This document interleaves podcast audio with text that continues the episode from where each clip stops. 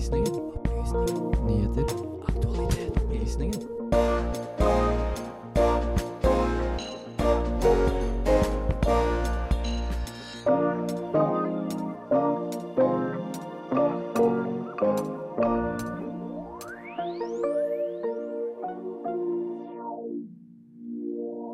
Organisasjonen Nei til EU tok staten til Høyesterett og tapte.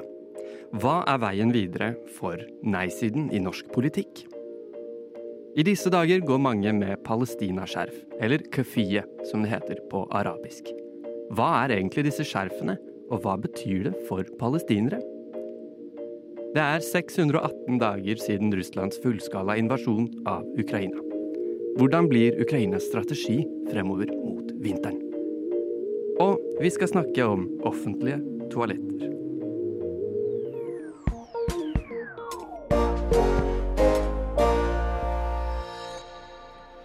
Hei, god morgen, god fredag. Du hører på Opplysningen 99,3.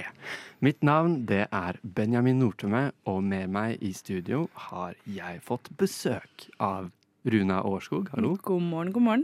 Aurora Gotzi Tobiassen, hallo. Hei, hei. Og Ludvig Friedrich Gunther zu Hornstaufen, hallo, hallo. Hola, hola. Så godt å ha dere med dere her i dag. Um, det er fredag. Det er snart Vel, det er vel ukeslutt sånn hva gjelder en eh, vanlig arbeidsuke. Har dere startet denne fredagen på en god måte? Rune? Nei. Nei, jeg ser du er litt uh, under the weather, som man sier. Og det er vi kanskje alle i disse dager. Det er Jeg er så lei av forkjølelse, Benjamin. Jeg er så lei. Nå var jeg liksom ferdig, og yes, nå har jeg vært igjennom, tenkte jeg, og woohoo! Og våknet i dag med hodepine og forkjølelse og var sånn ja ja, da blir det Paracet og ta skjerpe seg fremover. Jeg er så lei, altså. Så unnskyld hvis jeg hoster veldig mye. Det er ikke meningen. Ja, det skal gå fint. Eh, Jeg kan hoste vekk fra mikrofonen. Ja. Så ingen av våre lyttere heller får eh, ja, store forkjølelsesproblemer fremover. Aurora, hva, hva spiste du til frokost? Har du, har du gjort, spist frokost ennå? Um, til Red Bull, til Sten. Det- Red Bull. Og nå på se. kaffe, frokost nummer to. Har ikke Ja. rukket det. Nei. Men um, jeg er i hvert fall gira og nå, da. Mye energi. Ja, det Så det har jeg tenkt å ta med inn i Yes, nå. dette er Ja. on the spot. Vi Mhm. kommer til å trenge det. Ludvig, du også er litt uh, redusert i dag, eller hvordan går det? Faktisk, jeg tror jeg er det mest oppegående. Overraskende nok. Jeg har forvalt veldig mye utrolig energi nå. Selv om jeg la meg um, halv seks og sto opp 9.28 i dag. Ja. Sånn kan det altså gå eh, når man er eh, ja. Når Ung man er og Ludvig, student. bare. Rett og slett. Ah, jeg gleder meg til denne sendingen her. Vi har masse på, eh, på eh, tallerkenen. Eh, vi må eh, nå sette i gang en liten låt, så skal vi komme tilbake etter det med litt stoff og litt innhold.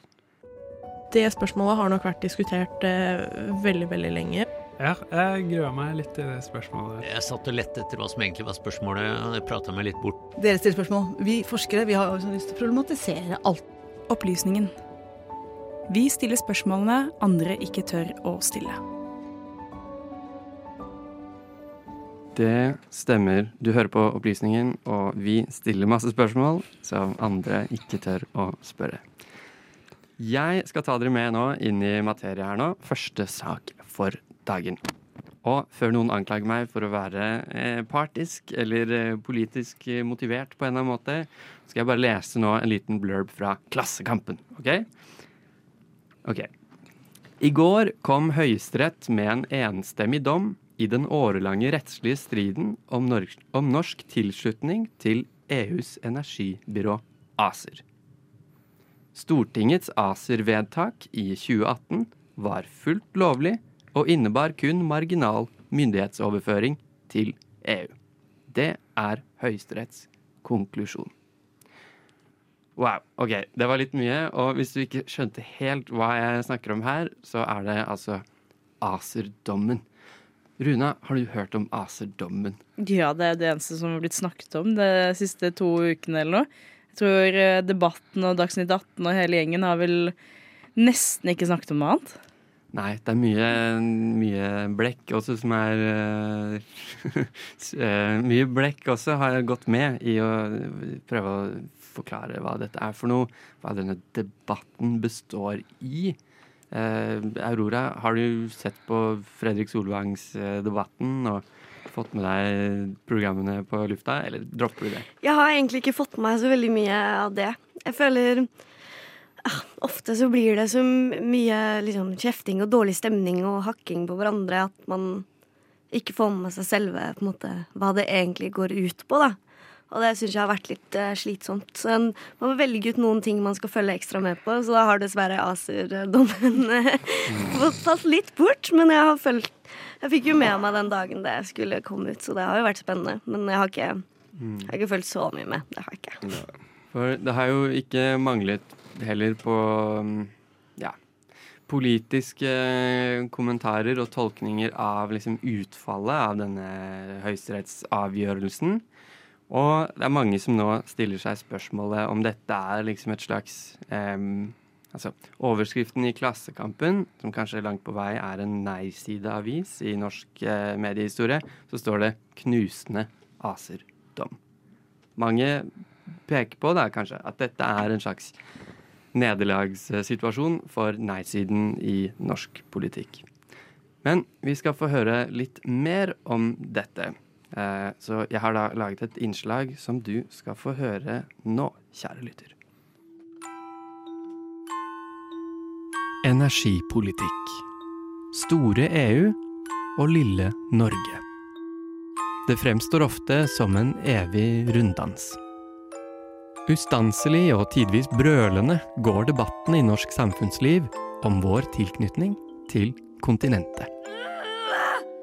Den er dårlig, den er god. Den er uviktig, den er viktig. I don't know. Alt avhengig av hvem du er, og hva du tror. Men i opplysningens navn skal jeg introdusere deg for en kar. Kjetil B. Alstaheim er ikke en mann som sparer på kruttet.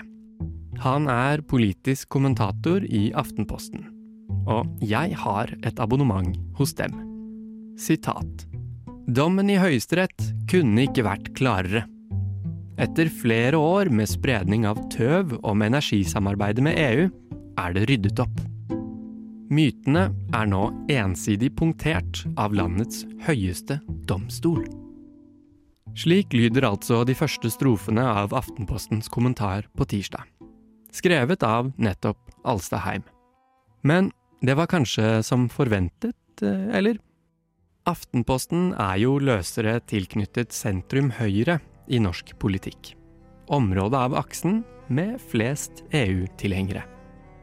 La oss se litt nærmere på de andre riksavisene. VG har latt sin søsterpublikasjon E24 få skrive litt. I både E24 og NRK kan vi på tirsdag lese ganske nøkterne juridiske analyser. Fri for tydelige politiske kommentarer. Men hva med Klassekampen? hører jeg deg spørre. Bjørgulv Brånen skrev lederen på onsdag, og jeg siterer.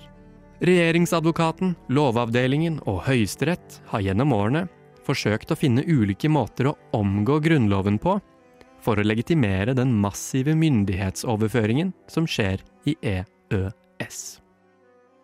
Ganske alvorlige anklager, altså. Han er ikke fornøyd, og det skinner klart igjennom. I mange år har organisasjonen Nei til EU og et bredere knippe politikere fra partiene Rødt, SV, Senterpartiet og Fremskrittspartiet gjort ordet ACER til en styggedom. Altså EUs energibyrå, helt enkelt. Ikke PC-produsenten. Nei, nei, nei. EUs energibyrå med kontorer i Ljubljana. Jeg kan absolutt anbefale en tur til Slovenia for å se med egne øyne. Fin by, fine folk. Men her hjemme, i debatter om Norges energipolitikk, har det vært glovarmt. Hvordan ble det egentlig slik? Etter beste evne skal jeg nå forsøke å svare noe som er universelt gjeldende om politikken i vårt land, Norge. Dette handler om norsk eksepsjonalisme. Fra Det norske akademis ordbok. Tanken om at noen, især en stat, er eksepsjonell, enestående og derfor unntatt fra bestemte utviklingstendenser.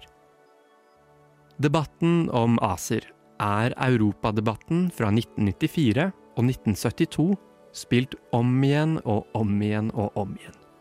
Som et teaterstykke på Folketeatret. Debatten ble aldri gravlagt, og visjonene fra denne tiden er ikke døde. Snarere tvert om. Vi har røft regnet tre store leire. EU-tilhengere, de EØS-fornøyde og EØS-motstandere. De to første leirene er ofte alliert med hverandre.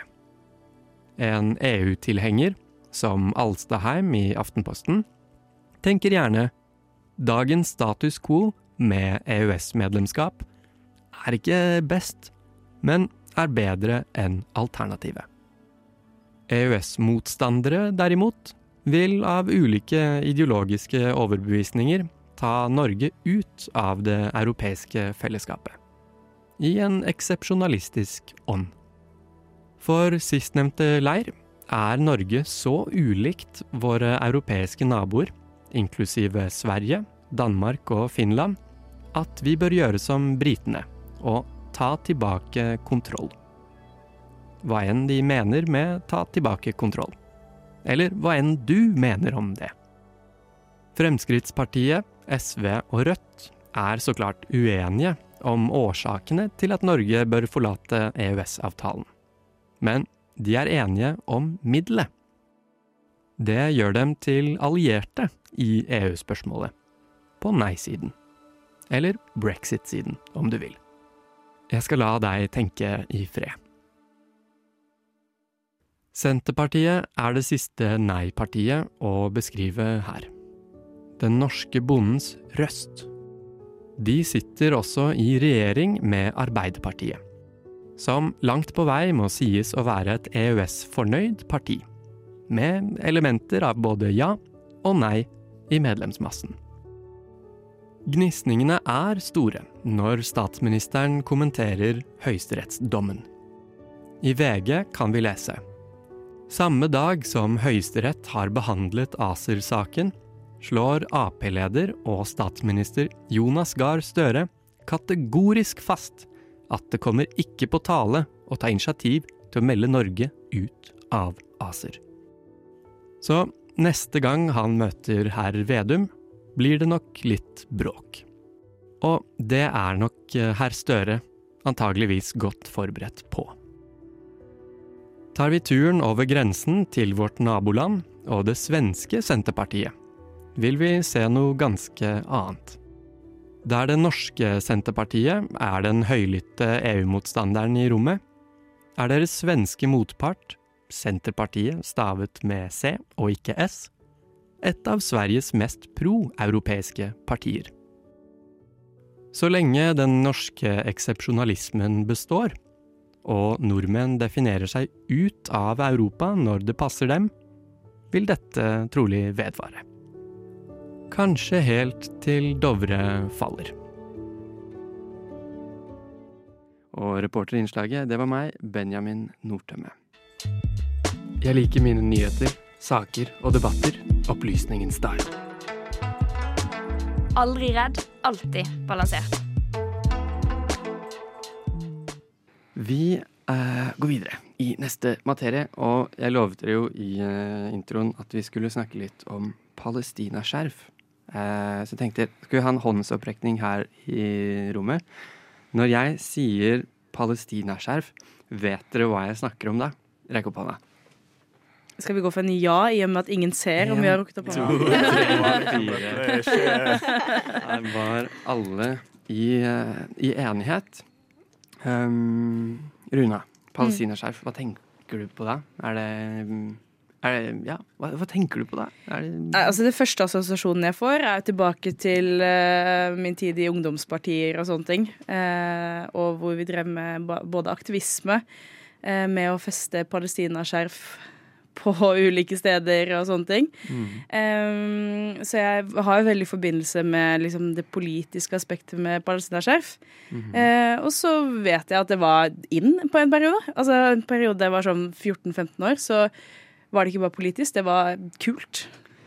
Ja, jeg skal ikke foregripe altfor mye hva vår reporter Line, eh, Lise Benus har eh, sett på i eh, sitt innslag. Det kommer snart, snart, snart, kjære lytter. Der eh, kan det hende det tas opp, dette, dette fashion trend-aspektet, kanskje. Aurora, har du sett flere palestinaskjerf nå i det siste enn eh, f.eks. i mars eh, tidligere i år? Ja, jeg tror kanskje det. Ellers er det en sånn hvis man oppdager noe, så henger man seg litt opp i det. Og derfor ser man det oftere enn man tenker. Kanskje jeg leiter etter det mer nå. Ja, det er mulig. det er mulig, Jeg vet ikke. Eh, Men jeg tror kanskje det. Ja. Det er i hvert fall mitt inntrykk at uh, mange går med et palestinaskjerf nå i disse dager av uh, Det kan være av ulike årsaker, men jeg tror ikke det er altfor vanskelig å tenke seg til hvorfor. Så uh, without further ado skal vi høre historien bak kafeet. Bak palestinaskjerfene generelt.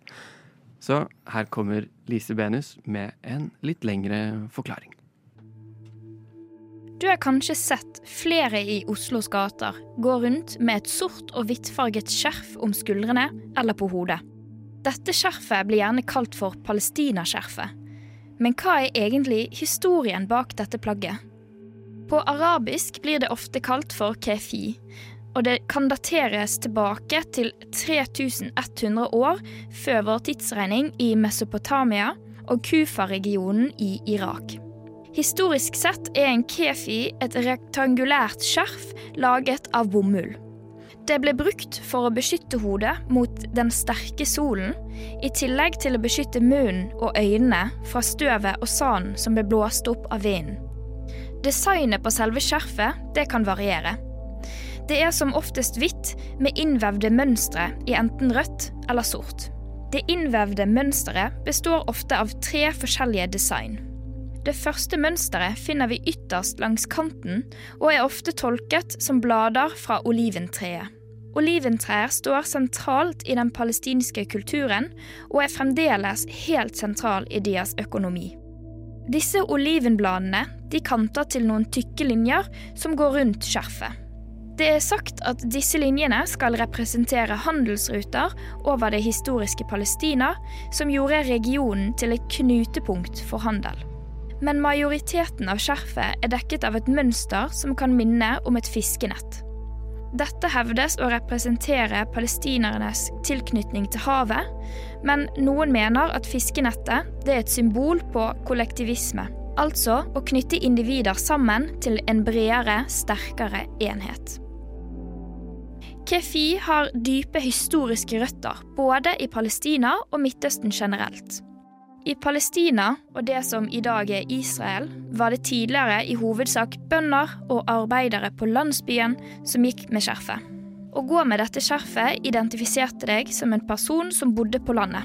De som bodde i byene, de hadde en rød filthatt som ofte blir kalt for en tarbush. Disse to forskjellige hodeplaggene skilte de to klassene tydelig fra hverandre. Kefi økte i bruk og popularitet under det arabiske opprøret mot britisk kolonistyre på 1930-tallet. Skjerfet ble brukt for å skjule ansiktet og dermed identiteten til de opprørske.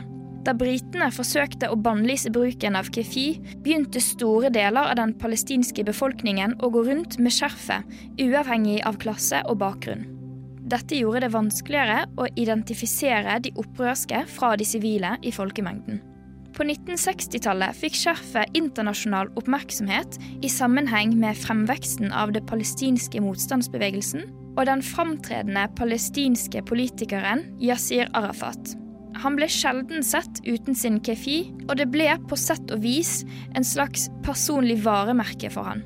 Han stylet skjerfet ved å la det drapere ned over høyre skulder for å ligne et kart over det palestinske og israelske området som var tegnet av britene før 1948. Da de israelske myndighetene bannlyste bruken av det palestinske flagget fra 1967 til 1993, vokste det fram et behov for et symbol på den voksende palestinske identiteten. Dette gjaldt både om du bodde som palestiner i Israel og i Palestina. Det var nå at kefien for alvor vokste fram som et symbol på palestinsk identitet, både nasjonalt og internasjonalt. I dag blir kefien brukt for å uttrykke solidaritet med den palestinske befolkningen. Men mønsteret på skjerfet er flere ganger blitt brukt av store klesmerker som Asos, Topshop og Urban Outfitters. Dette til stor kritikk både fra palestinere og israelere, og har i tillegg skapt en debatt rundt bruken av kefi og kulturell appropriasjon. Om du sjøl har lyst til å skaffe deg en kefi eller et palestinaskjerf, så finnes det butikker i Oslo sentrum hvor du kan skaffe deg det. Men om du tar det på deg, er det som aktivister på alle sider vil påpeke, viktig at du husker på historien og betydningen bak det kulturelle plagget. Der hørte du Lise Benus forklare deg historien bak eh, kefiet, altså palestinaskjerf.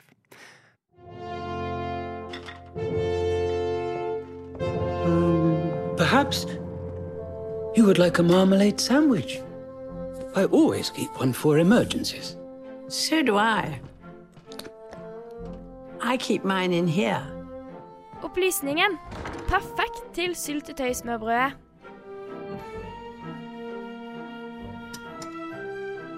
Det stemmer. Jeg vet ikke om du spiser eh, frokost eller hva du gjør for noe, eh, men om det skulle være syltetøysmørbrød, så vet du at vi er en god kombinasjon. Vi skal inn i neste materie. Eh, vi skal snakke litt om Ukrainas motoffensiv. Eh, og da har jeg en i studio her, Ludvig, som eh, har sett litt på det her. Um, hvor, hvor står vi egentlig nå, liksom i november? Hva er det som foregår?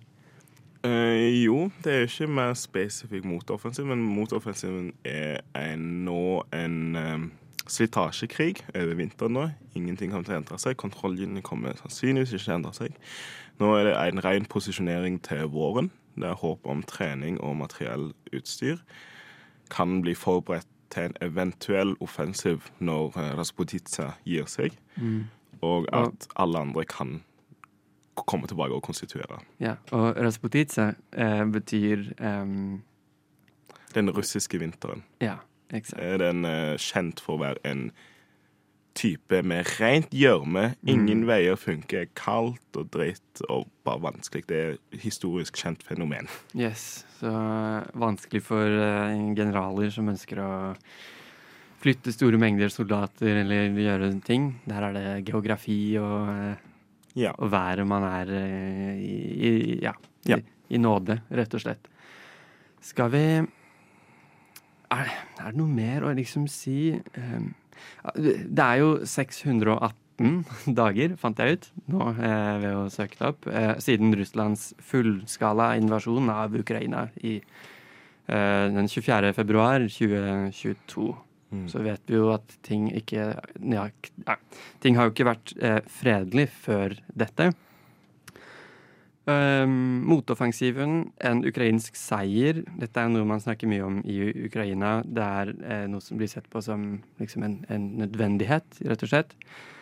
Men da trenger man jo også en, en motoffensiv som funker. Hvordan det, Har du lyst til å gi noe Ja. Jo, en motoffensiv jeg si, er jo at eh, realiteten er vinteren er på vei. Dette er den uh, russiske vinteren, eller den østeuropeiske vinteren, som nå preger alt av uh, planlegging. Det er, I fjor så, så vi jo intens bombing av uh, energiinfrastruktur, ukrainsk infrastruktur, til å treffe der det treffer, og at det, gikk, det var dårlig for Ukraina om vinteren, for strøm funka ikke. Og det er det som blir forventet i år, at uh, russerne kommer til å treffe kritisk infrastruktur. Sivil kritisk infrastruktur. Yes. Vi uh, får uh, ja, vi får bare høre hva Ludvig har, har sett på her med Ukrainas nåværende militære posisjon.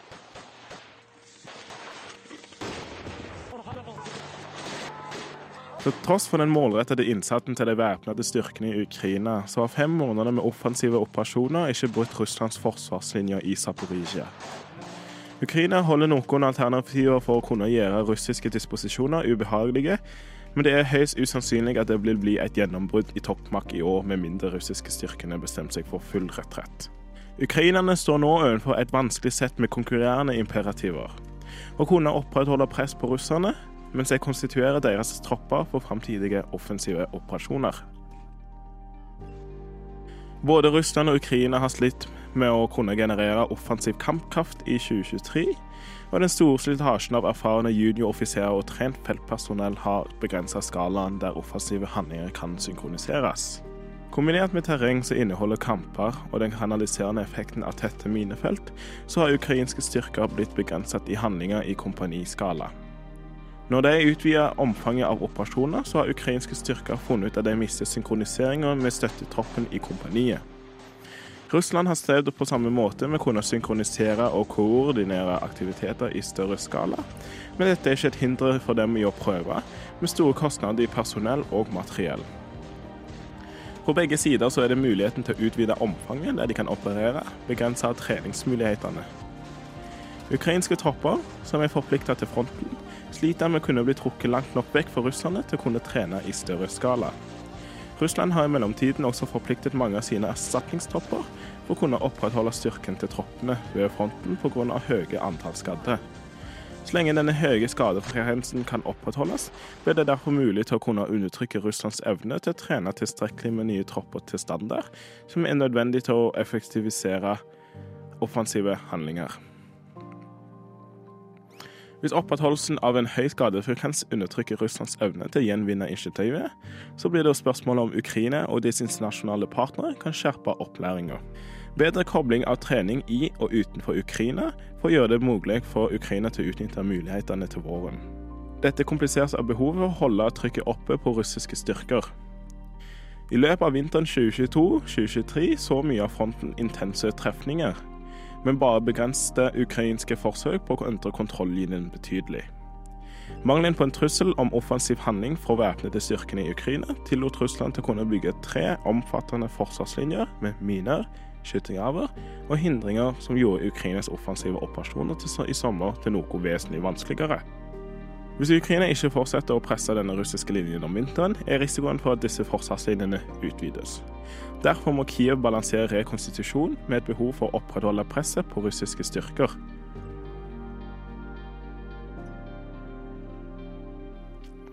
Ukraina vil møte ytterligere utfordringer pga. den skiftende balansen i materiell fordel. For i løpet av sommeren fikk Ukraina ildkraftoverlegenhet for første gang, og dette ble fyrt av flere runder per dag på russiske stillinger enn det som kom tilbake i mange sektorer. Dette var kritisk for framskrittet som ble gjort, men det ble også brukt et ammunisjonsforbruk på over 200 000 patroner i måneden. Tilstrekkelig ammunisjon til å opprettholde denne skutthastheten kommer ikke til å være bærekraftig, siden Nato-lagrene tømmes, og produksjonsnivåene for ammunisjon er fortsatt for lave til å møte det behovet nivået krever. På russisk side har produksjonen sammenlignet med Vesten snudd et hjørne. Det er ikke bare det russiske innenriksammunisjonsproduksjonen som har økt raskt, men nye linjer med ammunisjonsproduksjon blir levert fra Iran, Nord-Korea og andre stater. Flaskehalser i reservekanner og andre kritiske deler vil hindre russerne i å etablere ildkraftsoverlegenhet for før for neste kvartal. Mens Natos produksjon skal øke senere i 2024, så er Ukraina ovenfor utfordringen med å opprettholde presset på russiske slitasje uten en overflod av artilleri. En utfordring ligger i luftvernet også. Den ene plausible veien mot at Russland skal kunne få en avgjørende fordel på slagmarken, er om dens luftstyrke er i stand til å kunne finne og begynne å bombe fra middels høyde, noe som øker treffsikkerheten av bommene betydelig. For å kunne gjøre dette må de fornekte Ukraina luftforsvaret deres. I lys av dette så fortsetter Russlands angrep på ukrainsk kritisk nasjonal infrastruktur å lage en strategisk trussel. Hvis Russland kan ødelegge evne til å pumpe vann inn i Ukrainas byer i perioder med kalde temperaturer, og rør begynner å sprekke, så kan potensielt dette gjøre urbane områder ubeboelige. Derfor må missilene avskjæres, men avskjæringsammunisjon og missiler er en stor mangelvare. For Russland så har deres tilgang på angrepsammunisjon økt. I oktober 2022 produserte Russland omtrent 40 langdistansemissiler i måneden. Nå er produksjonen over 100 i måneden, og dette er supplert med et stort antall Geran 2 UAV fra Iran. Dessuten så forfalt FNs sikkerhetsråd sine restriksjoner på Irans missilprogram den 18. oktober. Russland har presset Iran for at de skal kunne forsyne missiler etter denne datoen, med forventning om at dette vil gi en stor tilgang på missiler om vinteren. Natos evne til å utvide produksjonen av avkjernede missiler og ammunisjon og radar på luftplan er derfor kritisk i denne sammenhengen.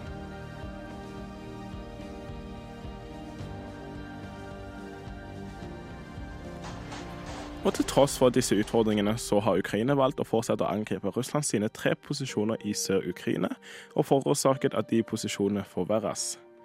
Langdistanseangrep ved hjelp av amerikanske attackums ødela elektroniske krigshelikoptre som hadde vært viktige for å beskytte russiske styrker. Nøye orkestrerte angrep på russisk luftvern gjør også en rekke mykere mål mer sårbare. Når disse hullene åpner seg, kan Ukraina maksimere effektiviteten av de begrensende lagrene av GMLRS den har for å ødelegge og forstyrre russisk logistikk.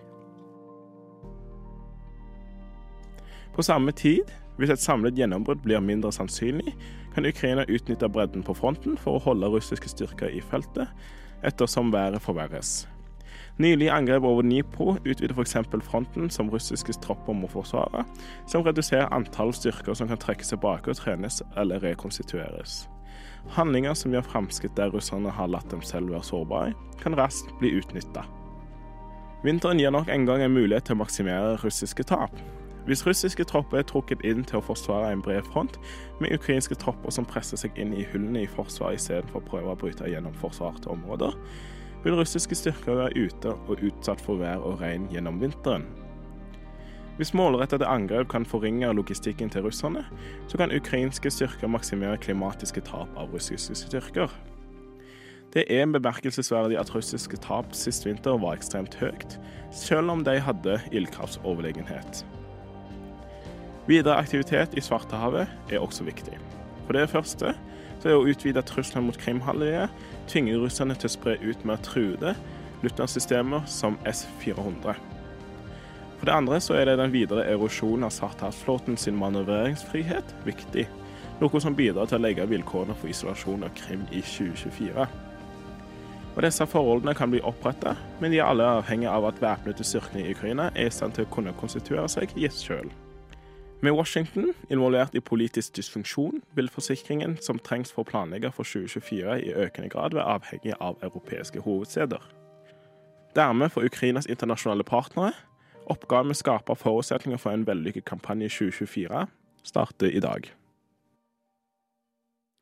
Der hørte du Ludvig Hornstaufen med en um, Ukraina-oppdatering. Når vi spør dem om de virkelig ikke vil ha tariffavtalen, så sier de jo jo, vi vil jo ha den, for den er jo mye bedre enn husavtalen. Du har ingen elbil, du har ingen vindmøller, du har ingen PC og ingen mobil hvis du ikke har disse metallene. Jo, man kan snakke om penger, man kan snakke om alt det her, men i bunn og grunn så handler det her om et pågående menneskerettighetsbrudd.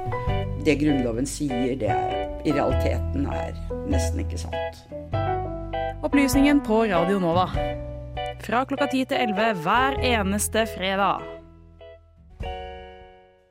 Nå har vi vært innom mye mye stort. Eh, mye kanskje litt fælt. Mye krig og elendighet og eh, rettssaker og sånn. Eh, det skal vi ikke nå lenger. For nå har vi mm, kommet til noe så enkelt, deceptively enkelt kanskje, som eh, toaletter. Toalett. Runa, må du på do? Eh, per øyeblikk Mm. heldigvis ikke. Nei. Nei. Vet du hvor nærmeste do er? Ja, det Ja. vet jeg. Det er jo bare å løpe ned i gangen. Men Ja. jeg kan jo ikke gjøre det nå som er sending. Nei, men det er noe man kanskje tenker eh, litt om. Eh, hvor er nærmeste do? At man har det litt i bakhodet. Kjenner du deg igjen i det, Aurora? Ja, det er veldig greit å vite hvor nærmeste do er. Fordi Mm. hvis du først skal på do, så Ja, da må man på do. Det er jo på en måte ikke så mye man kan gjøre med det. Det er jo den mest uh, Men jeg må si at- som finnes. På en måte. Ja, sorry, beklager. Eh, Jeg må si at jeg tror ikke jeg tenker over det før jeg må på do. Og Ja. da er det jo gjerne litt seint. Men jeg føler jeg har gått på så mange smeller med å måtte løpe rundt og leite etter do, at det er noe av det første jeg sjekker. Sånn. Ja. For eksempel, jeg, første gang jeg var på Blindern, da, så var jeg sånn Hvor er doene? på en måte, Det var greit å ha det Det er, det er sånn kurs på fadderuka og sånn Her er alle doene, vær så god. Er det noen som har noen spørsmål? Ja, hvor er doene? Lurt å ha det spikra. Men hvis det er én del av en, en sfære av livet hvor dette er mye vanskeligere enn andre, det er jo når man er utendørs. Når man er eh, ikke i sin egen leilighet eller hus eller hvor enn man er, eller på jobben eller noe sånt noe. Hvor er de offentlige toalettene? Det her jeg føler Ja. personlig, er at det blir en utrolig diskriminerende. At det blir en skille mellom kjønn. Jeg personlig har som erfaring er at jeg føler aldri presset. Hvis det blir ytterst konsekvens veldig gale, så jeg finner jeg meg et hjørne. ja. Og det er Disse hjørnene er ikke så dekkende. Føler meg veldig eksponert. Ja, det kan jeg forstå. Eh, noen som har tenkt på dette her, er jo for eh, alle byråd noensinne. I hvert fall siden man fikk eh, ja, eh, innlagt vann og sånn. Eh, vi fikk eh, kloakksystemer. Så har jo dette vært noe eh, vi har etterspurt fra våre politikere. En sånn eh, ja. Eh, en innsats for å gjøre det lettere å gå på do utendørs. Ja, utendørs i hvert fall. Utenfor hjemmet. NRK skriver Neste sommer blir det vanskeligere å gå på do i Oslo. Det skal kuttes i dotilbudet i parker og på strender fordi kommunen skal spare penger. Har vi en sånn dø, dø, dø. Nei, eh, det gamle byrådet, altså eh, utgående byråd, eh, har foreslått et kutt på 4,2 millioner kroner i dette tilbudet. Det bekrefter Bymiljøetaten. Det koster jo litt penger å drive eh, toaletter. Det krever jo litt eh, innsats og litt eh, man, må litt man må ha de riktige kjemikalene, og det må være såpedispensere med såpe og alt mulig rart. Ja, så skal det også være gratis, da. Eller er det et fint prinsipp? At det skal være gratis? Aurora, vil du betale ti kroner hver gang, eller? Nei, helst ikke. Også fordi jeg føler jo dessverre at uh, de ikke alltid blir vedlikeholdt så godt også. Ja. Og da er det også de doene man må betale 10-20 kroner for. Mm. Så er det kjipt at det ikke er dopapir, eller at det lukter vondt og ser ekkelt ut. Så jeg føler det, det skal være skal være gratis. Fordi én ting er jo på en måte fulle folk, men også folk som må på do. Ja. Ja. Jeg tror vi er nok Vi stemmer jo ulike partier her i studio. Vi har ulike liksom, ideologiske overbevisninger. Eh, men hvis det er én ting som forener oss, så er det at vi alle må på do. Iblant.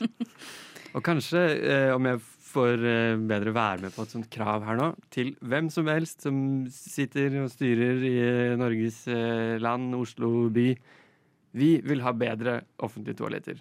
Ja eller nei? Ja. Ja. Ja. Og vi vil ha dem. Og vi vil ha dem, ikke minst. All right. Det ble faktisk litt aktivisme her fra studio. Det, det tar jeg på min kappe. Send klager. Ring meg. Gjør akkurat hva dere vil. Send Benjamin til PFU. Send meg til PFU. Um, Så lenge det er toaletter der. så lenge det er toaletter der, så kommer jeg. perfekt. perfekt.